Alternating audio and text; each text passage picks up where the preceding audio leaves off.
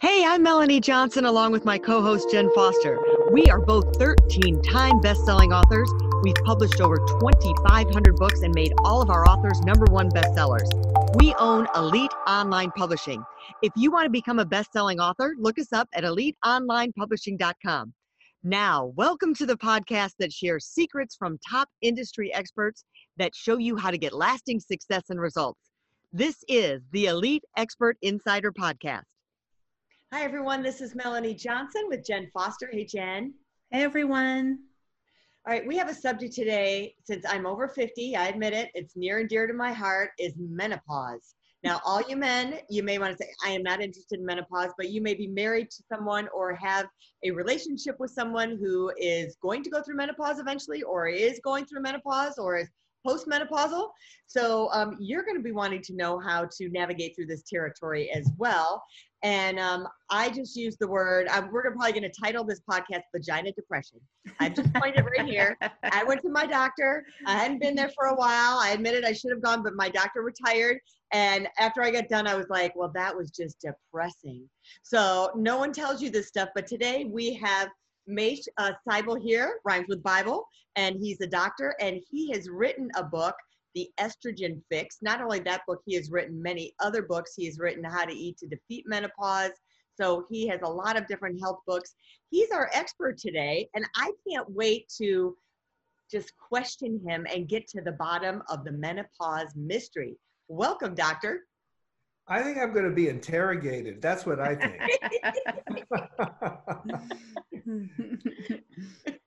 Well, it looks like you've written over 200 articles and 17 books. So tell us about that and how you got into this. Have you always been an MD or kind of start from the beginning and then go from there? Well, I guess I have always been an MD, at least at some level. I mean, when I was in utero, my mother would tell people, This is my son, the doctor. And that was before amniocentesis or ultrasound. So I, I, I, I, had an inkling I was going to be a medical student and then I was going to be a doctor. But I've been a doctor for a while. And uh, it's a very fine profession. It's a very uh, interesting one. I started my career is doing some of the first in vitro fertilizations in the wow. country. Mm-hmm. And then uh, my wife had surgery that threw her into early menopause. And it was right after a paper came out called the Women's Health Initiative that suggested incorrectly that estrogen could increase the risk of breast cancer and other conditions. And none of her doctors wanted to give her hormones. So I switched at that time. I transitioned from the, uh, I say I used to do sperm to term and now I do womb to tomb. So I do menopause stuff and have been for a number of years. And I did that so that I can be clear about the information I was providing my wife. And since I had been in the infertility world for a long time, many of my patients had aged. I stayed the same, but they got a little bit older and they were entering menopause. So actually, my patients came with me at that point in time. So it's yeah. it's been a very interesting journey, and it's its own field. I mean, it's menopause is kind of to uh, the reproductive years what the reproductive years are to pediatrics. I mean, you're not just a baby or a child is not just a little adult. They're different, and menopause has different issues than you know earlier years. So it carries its own knowledge base. All right, so let's go through the top issues that you know that menopause brings on to women and start to address those. We'll start at the beginning and work our way in. Uh, well, the top issues really, of course, you know, every person is different. So what bothers one is just messing with one person may not be an issue for the next. But clearly, uh, the, the common issues are things like hot flashes, um, you want me to just stop and continue or just talk about what are the top issues? Yeah, let's talk. We can talk about hot flashes. Uh, let's take, take them on one at a time. okay. Well, hot flashes are really an interesting uh, phenomenon. They're, they can be caused by things other than menopause. I mean, it could be the medication you take. It could be a whole variety of other conditions that cause uh, hot flashes, but menopause is clearly the most common. And the the reality is is what happens is there becomes the, the the thermostat in your brain that regulates your temperature yeah. sort of goes wacky in that transitional window of time. And so what happens is blood vessels will actually constrict and then they'll widely dilate and then the blood rushes to the surface of the skin to let heat off.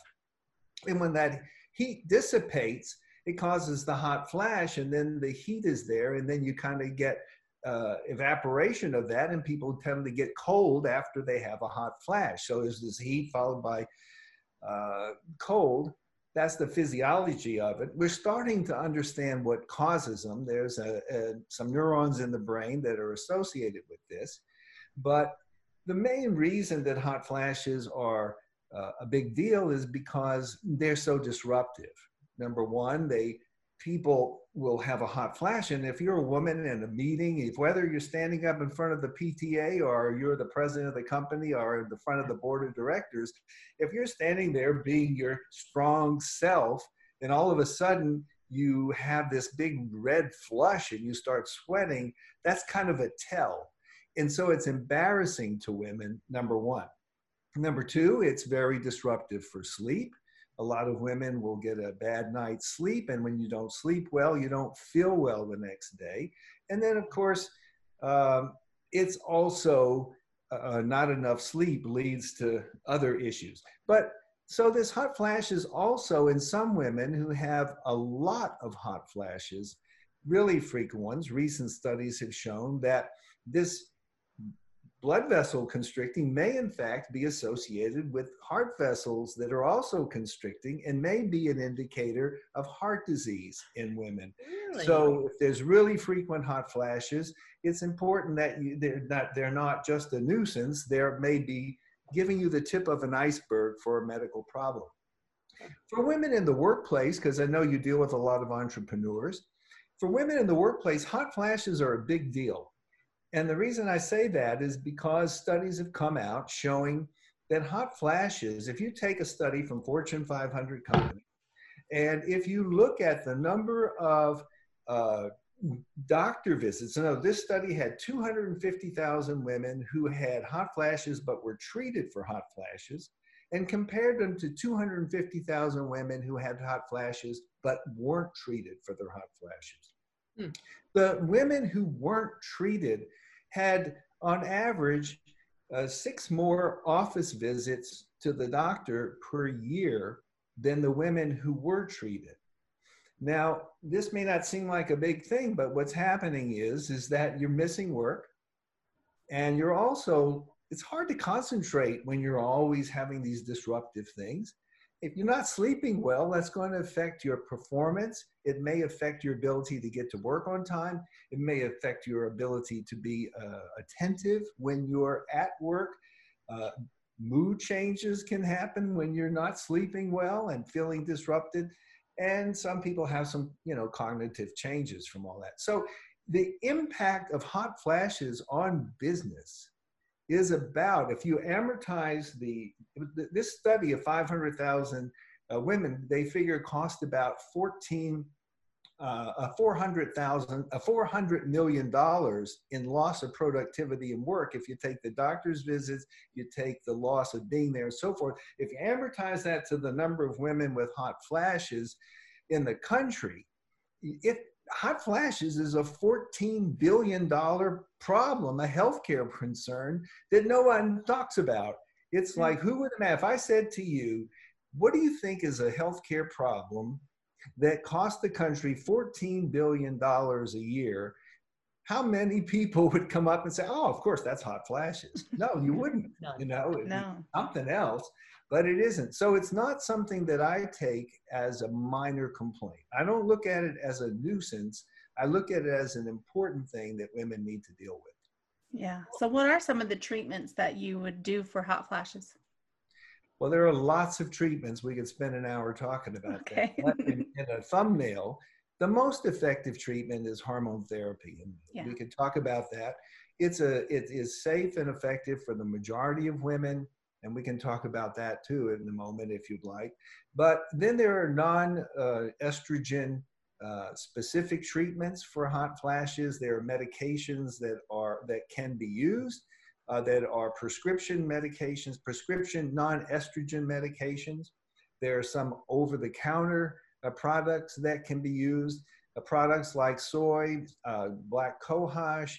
Uh, there are a variety of proprietary blends that they sell at drugstores. Exercise, if it's not done right before bedtime, can be very good for lowering hot flashes. Uh, and there are some new medications now that are quite interesting that are addressing these, these neuropeptides in the brain that uh, give you those uh, that are specific to those neuropeptides, and those are just coming out on the market. And then, of course, there are things that are completely non medical but are effective, things like cognitive behavioral therapy, where it's kind of a hypnosis type of a thing. That's probably the alternative approach that's got the most data on it that can be effective. And then there are a number of other treatments uh, that can be used. But it's there's a lot of treatments for hot flashes, and I recommend if you have them to go talk with somebody that can help you, and either a doctor or coach or somebody who can help you get through this. I've kind of noticed the hot flashes, like for for me, it it's even addressed. It could be something that I'm eating, like after I eat carbs, I tend to get a hot flash. If I was just stressed, I tend to get a hot flash after I urinate, I tend to get a hot flash. It's interesting how just normal type things all of a sudden will trigger it. Well, caffeine is one. Uh, alcohol can be another. These are common ones. If you eat a spicy food like a red hot chili pepper or something like that, sometimes being in too hot of an environment can do it. That's why you'll often see women dress in layers because they they be uh, they feel cold and then they get hot flashes and then they're stripping down to the next layer and then they put them back on and so forth. So this is uh, very, co- uh, very common. And uh, there's a lot of products that are out there now to try and cool people down anywhere from throwing a bag of peas under the frozen peas under the pillow to cool it down to sheets that wick off sweat to mattresses that change the temperature to cooler. Yeah. There's a number of products that address this kind of a thing. But if you can, hormones are by far the most effective in terms of taking care of that problem. Yeah. As I tell women that I see, everything works for somebody and nothing works for everybody. Right, right. So let's go on to the next issue. So, what's another issue for menopause that comes up? I think, well, of course, irregular cycles are very common, bleeding abnormalities, because if you remember back to when you were in puberty or going into puberty and you're starting to get your first period, during that point of time, uh, the hormones, uh, estrogen and progesterone, which are the primary ones in women, go from basically a very low level to a, you know, the reproductive age. But those hormones, in order to prepare the uterine lining for pregnancy and in order to in, uh, incentivize the egg or get the egg timed right so it's released are very synchronized. These are very synchronized patterns of release in puberty and in perimenopause, that year or so, you know, that window of time, peri means around like the perimeter. And so in that window of time around menopause, those hormones get unbalanced. They're like paired figure skaters that aren't working together anymore. And so the imbalance is what ends up causing uh, those kinds of uh, irregular periods. And they are also what causes the mood swings that are coming with it. It's like being in PMS all the time. And that's, that was what makes the mood so hard. And of course, we alluded to because all of these things are, you know, I talk about with women trying to help them take care of the sum of you and not just some of you. And all of these things are related to each other. These symptoms are interconnected, they go together. So if you don't, if you have hot flashes, you don't sleep. If you don't sleep, then you get cranky. If you have these imbalanced hormones, you can't sleep too well and you don't you have these mood swings and you can get cranky, have forgetfulness and so forth. So all of these things are connected. Sleep is another one of the big things that happen because uh, the disrupted sleep and also hormone levels while they're like the stock market whether they go the stock market goes up or the stock market goes down it doesn't make a straight line. It does like this. And hormones are doing like that too. And when they start to drift down some nights you sleep well and some nights you sleep poorly. And that that uh, slow loss of estrogen drifting in the lower direction is affecting the REM sleep, the REM or the rapid eye movement sleep, which is the some of the restorative part. It shortens that window of, of sleep because when you sleep, you have these five phases of sleep, and you don't just have one all night long. You have one, then you have another one, you have another one. So you're going through a series of cycles of sleep. And the, the pieces of those cycles, the REM part of it, the tip of it, is shortened. And so that doesn't give the restorative part to the, uh, when you're get up, you just wake up tired. And that's what people will say. So uh, that's another one. Uh, you know, your mojo is a no go. That can be another one. And once more, you know, people will have uh, the disrupted sleep. They're not tired. They feel tired. They're not rested. Uh, the lack of hormones can cause. Uh, we were talking about what did you call it? Uh, the vaginal. What, what did you call the talk? Vaginal depression. Vaginal depression. Okay, so vaginal depression. My interpretation of that word, though it's a new term for me, it would be when the estrogen gets low the vaginal tissues flatten and they get drier and they shorten. Because what happens is in the reproductive years when the hormones are at their at their peak the lining of the vagina is corrugated. What that means is if you've ever you know when you put your hand through your sleeve of your sweater and it expands to let your fist out and then it comes back down the vaginal tissues has you know, rows of mucosal folds and so those folds with elastic tissue allow it to expand and the babies can come through there and then it goes back. And it accommodates if you have relations with intimacy, it's able to, you know, to be firm around the partner. So that enormous variation is made possible because of estrogen's magic on the tissues of the vagina. When that estrogen is low and eventually quite low, the folds in the elastic uh, rugae is what they're called medically, they flatten. And then the tissue no longer has distensibility, it's just a, a fixed diameter. And so with intimacy, it hurts to, to separate. And that's why uh, local estrogen can be very helpful in that setting or other things if you don't or can't take it. So then they're saying if you like if you're not sexually active or if you're you're married and you haven't been uh, so much sexually active uh, you know a lot as that happens to couples but then when you do then you can't necessarily go back unless you do the estrogen but it's like you have to it's not like working out. That was the big thing for me. It's like oh well it's like a muscle. Like you just get back in shape and you'll be back where you want. And like no it doesn't happen that way. So kind of go into that even if you take estrogen it doesn't sound like you're gonna um, you know be back to to full tilt. If you i mean there is a little bit of use it or lose it in that regard but if you do have regular sexual relations the actual action of doing it serves as a dilation if you will and it helps to keep it moist. What happens is is that the lubrication that comes into the vagina is is is not so much a gland that's squirting it in Mm-hmm. What it is, is that the vessels on the outside of the walls of the vagina dilate with the sexual arousal. And then what happens is the fluid, little bits of fluid go into what's called the interstitial fluid. You have the vessel, and then you have this kind of loose tissue, and then you have the wall of the vagina, and it kind of is a sweat. So the, the vaginal lubrication is actually equivalent to sweating. And it's the same way you release sweat on your face. Blood vessels dilate, and then the, the fluid comes onto your, your forehead or your cheeks or yeah. whatever. It's the same thing.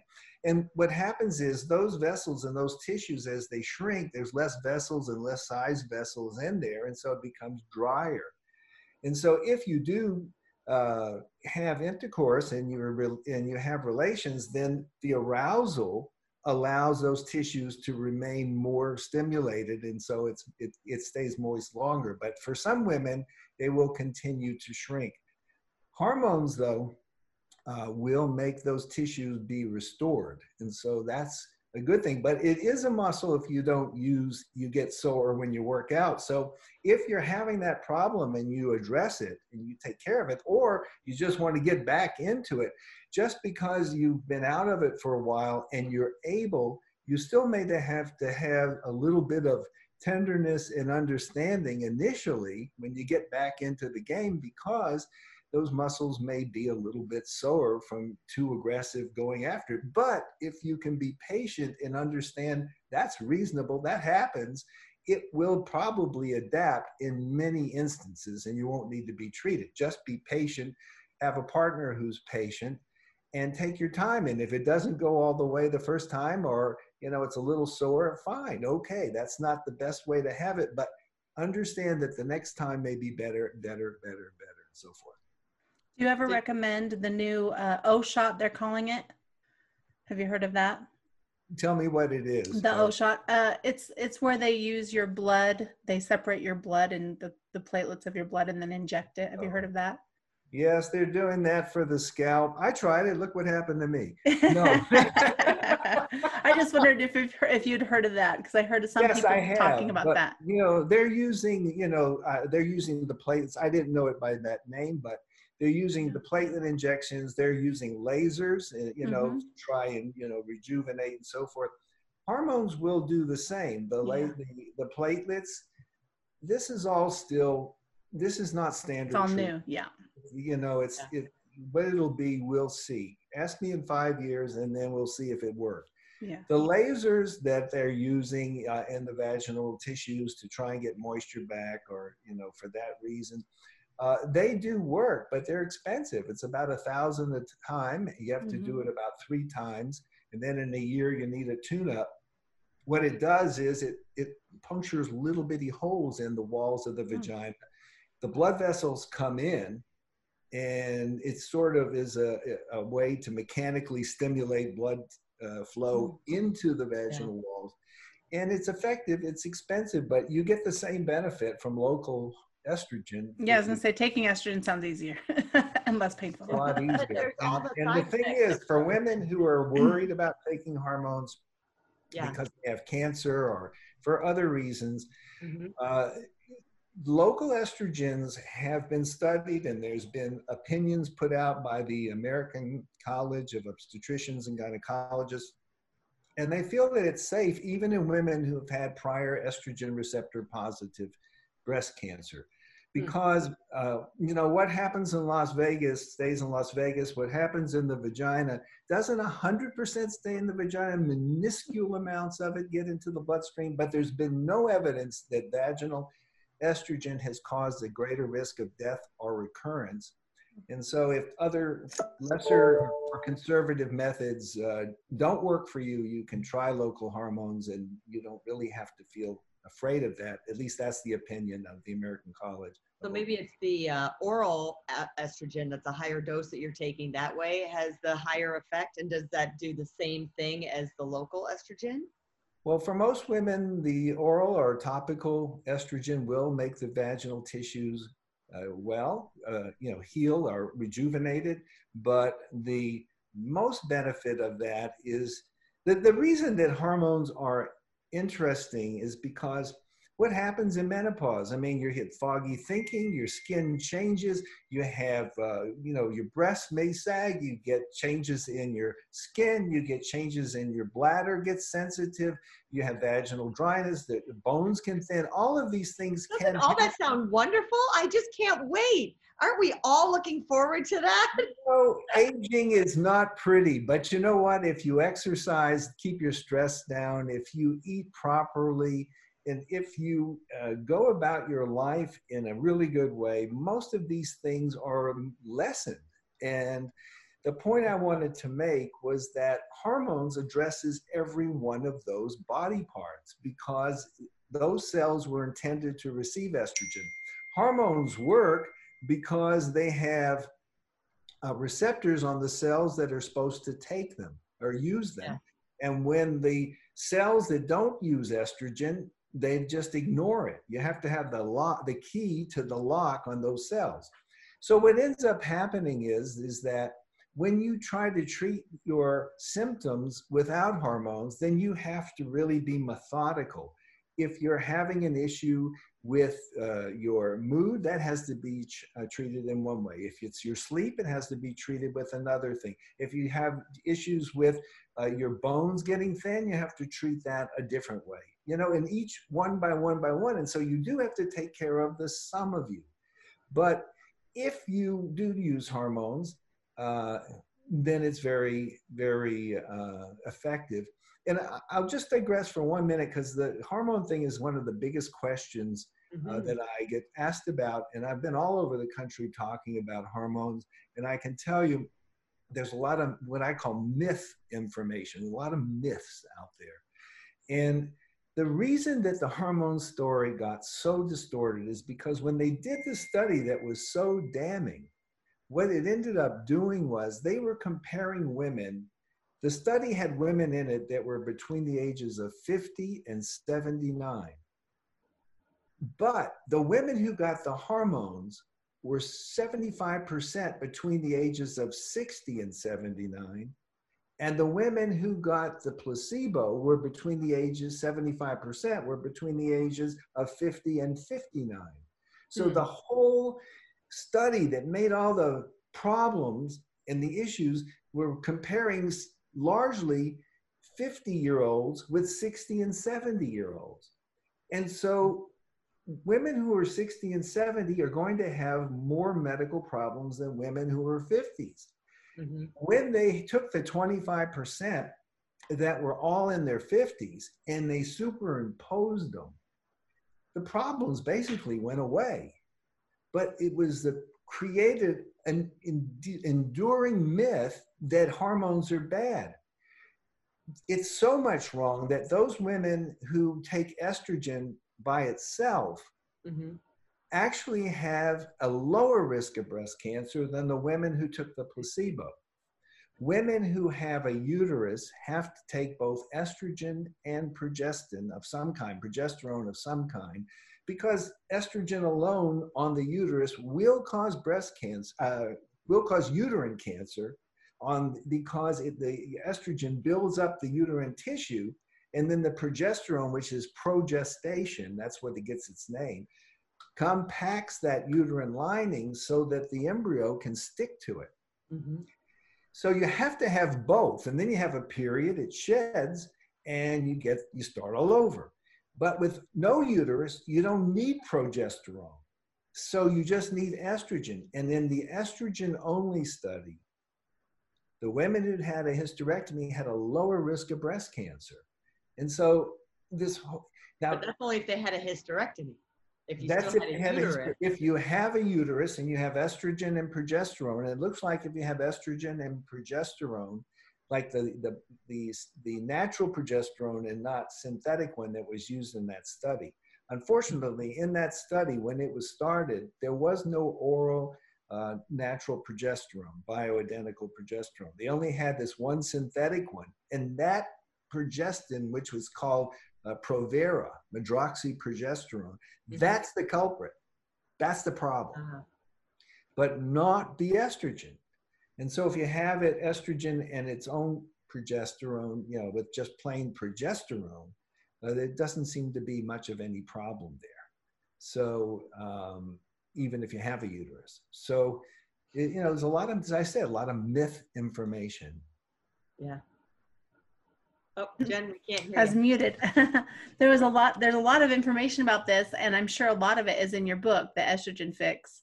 But it really is. Yeah, this yeah. book has uh, been recommended by the North American Menopause Society for women and also for doctors because it's so well indexed. Even though it's written in simple to understand words, it and it. I have it divided up in an interesting way because not everybody wants to know everything about hormones but I get that. So if you want to know about your vagina, go to that one, your skin. If you want to go to the part about your brain, go to that one. If you want to go about your breast, go to that one, or your heart. You know, all of these are separated in that way because it's easier for people to, you know, go after what they want. Yeah. Well, tell everyone where they can go to find the books and find more information about you so they can get all the information they need. Well, the books are pretty much everywhere. It's on. Uh, they're on Amazon's probably the easiest way to get them. They probably have. And uh, to find me, you would go to drmache.com. That's basically my first name, M A C H E. So it's D R M A C H E dot com. And the doctor's always in. Thank you, That's Dr. great. Mache. We really appreciate you coming on. Well, you answered some of my personal questions. Thank you very much. And uh, and so all of you out there, to me, the lesson learned is have as much sex until you hit men- menopause as you can, because it will be more. And keep enjoyable. having it. And Yeah. keep having it. Keep having it and keep having it, so you don't lose it. That's the key. Exactly. And if you need a coach, menopause coach, talk to Dr. Mache. Yeah, There you go. menopausecoach.com. I'm actually there too. Terrific. Well, we'll see you next time. Make sure you subscribe to this podcast, um, and maybe we'll have something on menopause instead of menopause next time. So, good to see you all. Fran. Make sure you subscribe, and we'll see you next time. Have a great day. Hey, are you looking to increase your revenue, build credibility, and elevate your brand? This podcast is brought to you by Elite Online Publishing, an innovative publishing and full spectrum marketing company. They will publish and market your book to make it a number one bestseller. Becoming an author is the best way to market your business. So contact them at eliteonlinepublishing.com today. All of their authors become number one bestsellers.